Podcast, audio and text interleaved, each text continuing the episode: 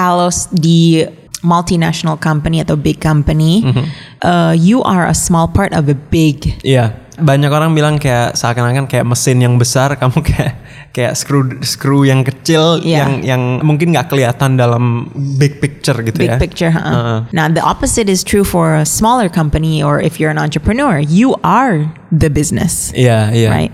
Lebih ownershipnya mungkin lebih kelihat lebih lebih ada ya. Iya. Hello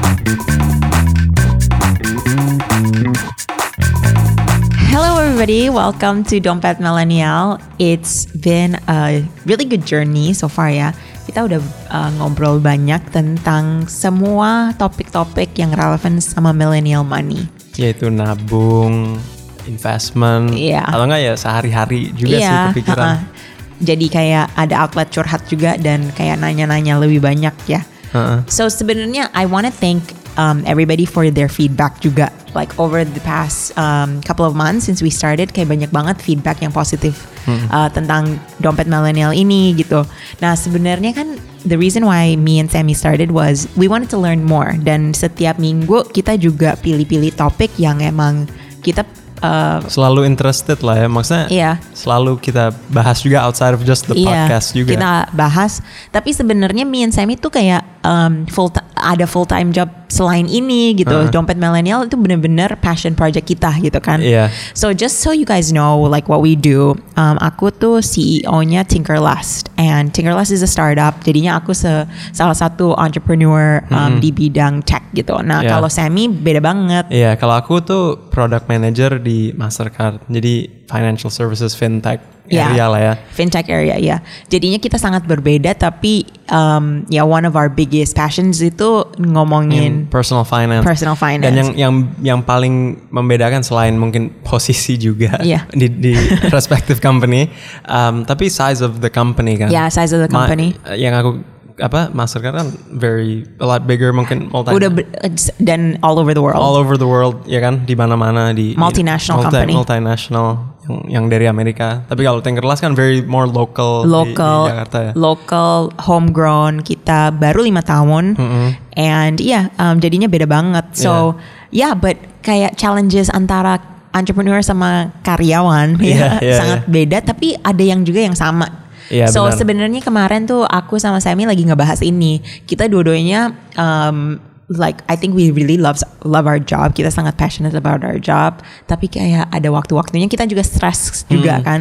Tuh terus kita jadi Kayak kepikiran juga ap- ah, gimana sih kerja sebagai yang other side gitu. Ha-ha. Kalau untuk aku kayak gimana sih entrepreneur? Kayaknya kadang-kadang kalau kayak lagi bad day gitu kan pikir aduh kayaknya enak juga ya kerja untuk Iya. company kecil gitu. Iya, Um, company kecil. Nah, aku malahan the opposite. I'm like, aduh, kayaknya pengen pengen aja deh kayak cabut kerja di company yang besar, terus aku nggak usah mikir, terus dikasih tahu aja harus setiap hari ngapain gitu. Iya, iya, iya. So jadi kayaknya I wanna know more about this gitu. Hmm. Sebenarnya perbedaan antara entrepreneur versus employee, Mm-hmm. what's the pros and cons dan kayak sebaiknya kita milih yang mana, Iya benar-benar. right? Ya, ya tergantung orang sih. Kalau untuk aku mungkin aku kita sharing-sharing juga ya experience masing-masing. Kalau misalnya aku tuh kerja di perusahaan besar yang aku experience tuh there's a lot of um, proses gitu. Ya, lebih Jadi, banyak proses. Lebih banyak proses udah udah karena kan udah established ya kayak kayak kantorku tuh udah 50 tahun. Kita bandingin 50 tahun sama Lima tahun. lima tahun kan.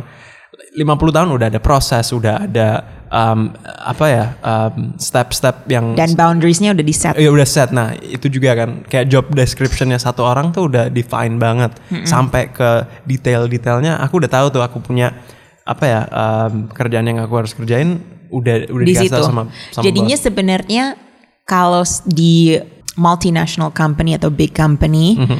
uh, you are a small part of a big. Iya, banyak orang bilang kayak seakan-akan kayak mesin yang besar, kamu kayak kayak screw screw yang kecil Iya. yang yang mungkin nggak kelihatan dalam big picture gitu Big ya. picture. ha. Heeh. Now the opposite is true for a smaller company or if you're an entrepreneur, you are the business. Iya, iya. Right. Lebih ownershipnya mungkin lebih kelihat lebih lebih ada ya. Iya, tapi sebenarnya kayak okay, there is a lot of pros and cons entrepreneur and employee gitu, but like okay, who works harder? I cannot say that I work harder karena I feel like you're a very hard worker juga gitu. Iya, itu itu ya I don't think Itu relatif ya. Itu relatif sih. Maksudnya tergantung juga orangnya ya. Iya.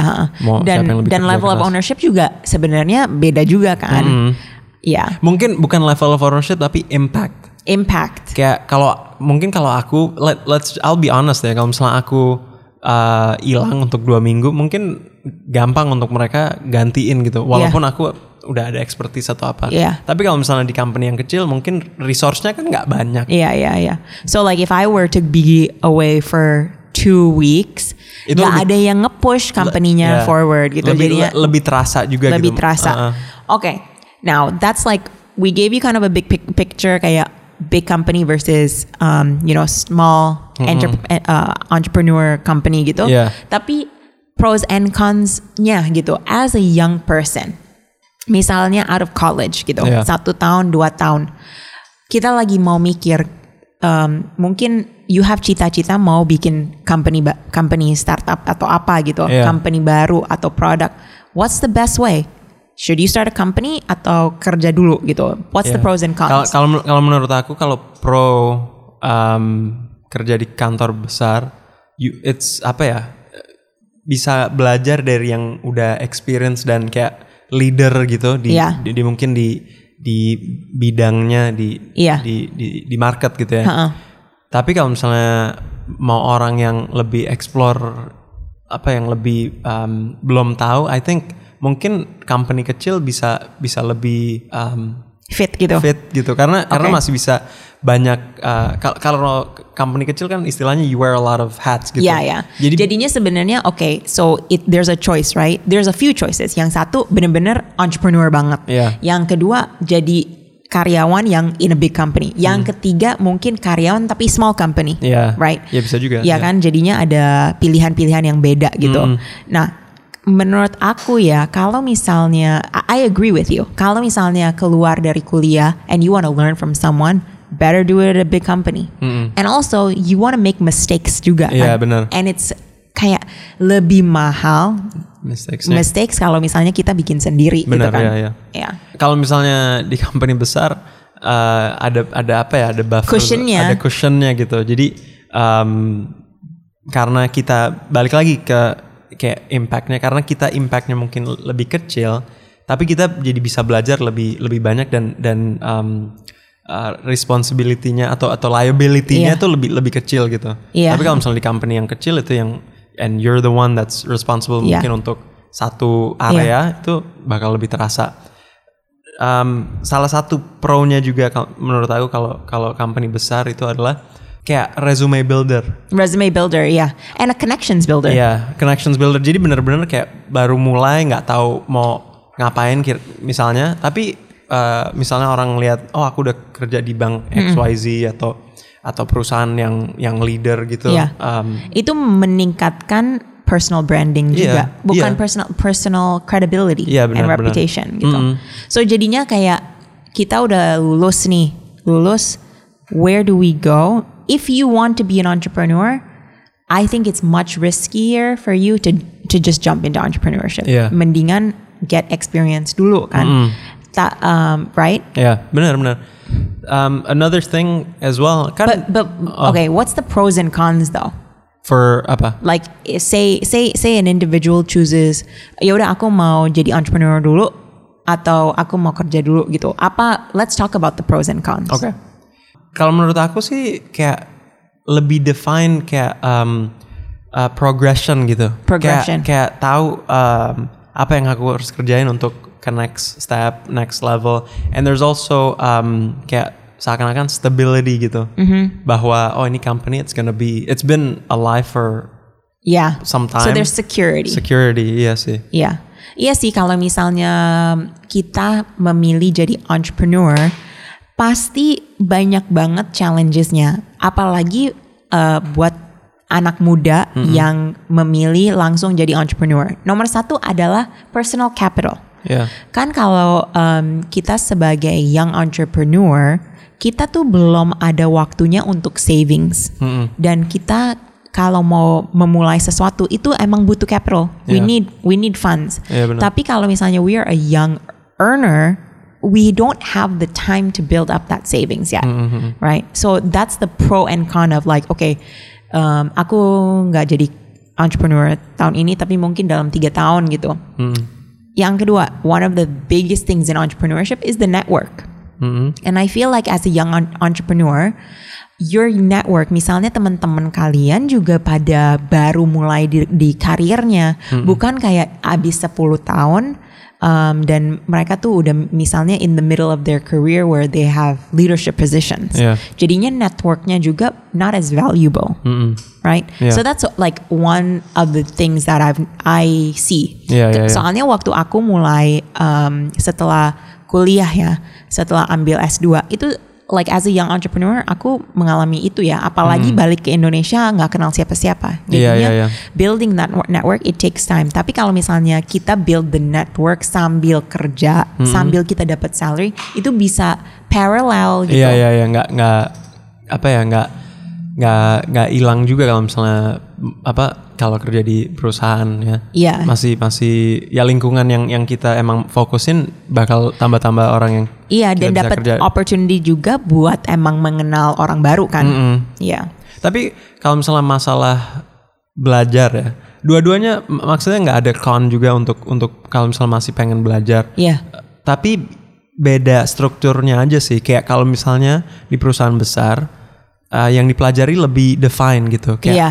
Misalnya aku kerja di uh, fintech ya udah aku pelajari Iya. bagian fintech. Tapi kalau misalnya di antre, apa di uh, company yang lebih kecil atau Atau jadi entrepreneur, entrepreneur gitu. itu kayak bukan cuman yang yang di, harus dipelajari bukan cuman kayak bidangnya tapi kayak like uh, Supportingnya juga. gitu. supportingnya juga and like making a, a company kan banyak banget kayak Iya. HR um, Jadinya harus ada gener- bisa Ya, generalist lebih gitu. lebih gen- iya exactly ya lebih lebih generalize gitu um, Mm-hmm. yang dipelajari dan lebih mungkin lebih broad aja lebih banyak um, aspek-aspek lah Yeah, exactly. Hmm, Tapi aku kasih pro juga salah satu ya untuk untuk kerja untuk uh, perusahaan apalagi kalau misalnya bisa multinational gitu Mm-hmm. yang yang banyak um, uh, presence in in Yeah. other countries itu uh, in- interaksi internasional sih itu Oh, sa- iya, iya, salah iya. satu yang kayak aku lumayan excited biasanya kalau misalnya kayak kerja sama tim-tim dari luar negeri yang bukan tim lokal jadi kayak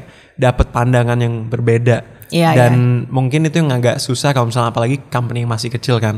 Kalau misalnya kita uh, masih kecil ya fokusnya kadang-kadang satu kota Iya. atau enggak satu mungkin kadang-kadang satu daerah. Tapi kalau misalnya udah besar kadang-kadang kita bisa ada relationship sama orang-orang yang di luar negeri Iya. dan dan apa uh, wawasan kita jadi lebih terbuka aja gitu. Iya betul sih. So big companies or established companies kasih opportunity yang yang mungkin small companies belum kasih Iya, gitu. benar. Ha-ha. Iya. Or uh, as when you're an entrepreneur, you cannot give that to yourself. Mm-hmm. Dan juga as a young entrepreneur, um, itu membutuh lebih banyak waktu buat bisnis itu apa uh, reach a certain level of success. Gitu, Iya ya. benar-benar. Yeah, I I do think I mean like giving myself advice going back. Aku nyesel nggak kerja uh, kantoran sih. Soalnya banyak banget pelajaran yang sebenarnya bisa aku belajar dari orang lain atau mentor atau kayak uh, cari cara kerja SOP, you know, like so many things like from marketing, from communications, from leadership that I could have probably learned in an office setting rather than learning it myself. And kalau misalnya juga um, you work at an office, you meet so many people Yeah. and also you are apa ya dapat kayak kesempatan buat mengerti Yeah. industrinya juga Yeah. buat di apa ya kasih ide buat bikin company gitu. So it's sor- sort of like you're just opened up to new exposures. Iya iya benar. Tapi dulu jadi pas lagi uh, awal-awal kayak bikin company, did you pernah ada perasaan nggak kayak I wish I had this knowledge atau I'm I feel like I'm missing Yeah, this type of you're always questioning yourself. Oh, Selalu okay. kayak karena dua ya. Nomor satu nggak ada orang yang bakalan setiap hari kasih kayak arahan. Mm-mm, iya Jadinya benar. kita selalu menanyakan diri, uh, are we doing the right thing? Are we Iya, doing the iya, right thing iya. gitu. Terus yang kedua, um, kita selalu ngeliat sukses kesuksesan bisnis um, apa ya? It's tied to us juga gitu. So kalau misalnya uh, bisnisnya lagi nggak bagus atau apa, kita ngelihat diri kita sendiri gitu. So yeah, sometimes I wish that why didn't I go to a company first and I know how it works dulu and Yeah. then I set up my company gitu. Tapi I think everything works out for Iya the benar. best juga sih. Iya ya of course. Tapi ya emang kalau kita lihat banyak banget orang rutenya mungkin kerja dapat experience di di perusahaan yang besar, terus mereka uh, mungkin ada disruptive idea Yes, disruptive dari idea. dari bidang yang mereka udah expert gitu, terus lompat ke entrepreneurship. Yes. Banyak banget kan yang yang yang kayak Ya. gitu. Nah, aku sih ini cuman my opinion as an entrepreneur. Aku setuju dengan route itu. Hmm. Ha-ha. Daripada langsung dari uh, sekolah ke company. Soalnya Hmm. emang kita butuh beberapa training sebagai um, you know to understand our work ethic, to understand how business works, Yeah. communication and all of that gitu. Ya ya. Tapi pros and cons of entrepreneurship versus working at an office tuh apa ya kayak sebenarnya banyak banget misconception of a entrepreneur. Hmm. Kayaknya kelihatannya tuh enaknya aja. Oh kita bisa masuk kerja kapan aja, kita Oh, bisa keluar ah. kerja. Tapi sebenarnya kerja nggak pernah lepas dari kita sih. Iya, iya, kayak work life balance tuh nggak ada. Sabtu aku juga buka komputer. Hmm. Tapi karena aku sangat passionate dan uh, suka banget what I do sih itu. Tapi Ya. kalau misalnya kita ngomongin kayak culture gitu, itu mungkin do you think entrepreneur type eh, kayak small company gitu sama perusahaan yang udah established beda banget Kak? pasti kan? Pasti beda banget. Nah, salah satunya the benefits that you get at a big company will definitely be, different.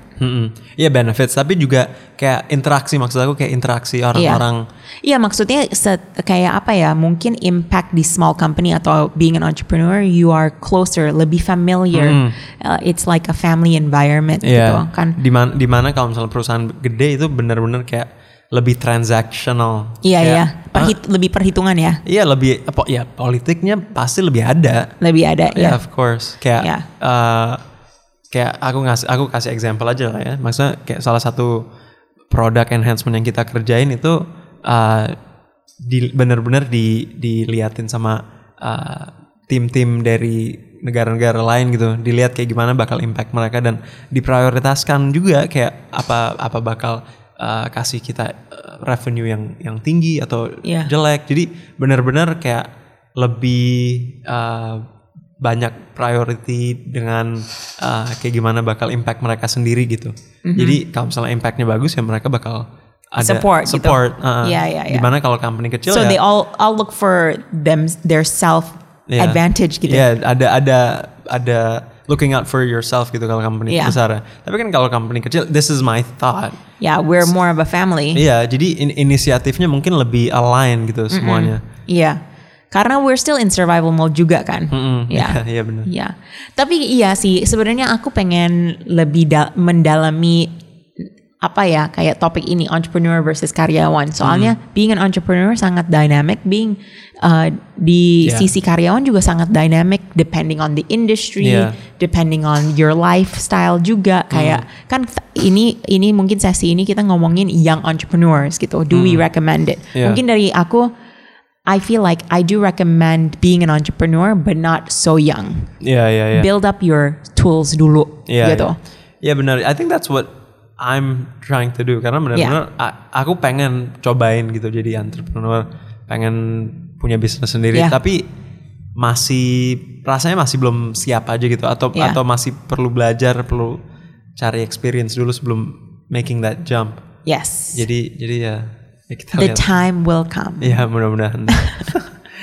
Tapi guys, um, thank you so much for listening. Mudah-mudahan uh, yang lain di situ bisa bisa apa? Manfaat. manfaat apa dapat manfaat Dapat lah ya manfaat, dari ya. dari kita bahasin Uh, dan nggak ada yang nggak ada yang jelek juga maksudnya kita ini opinion kita maksudnya This is totally our opinion based on our kayak experience aja our sih Uh, experience, iya. tiap orang bakal beda tapi um, let us know uh, kalau misalnya ada topik-topik yang kalian pengen kita Iya. bahas kita bakal posting every Monday hari hari Senin dan hari Kamis dan ya Don't forget to follow us at Dompet uh, Millennial.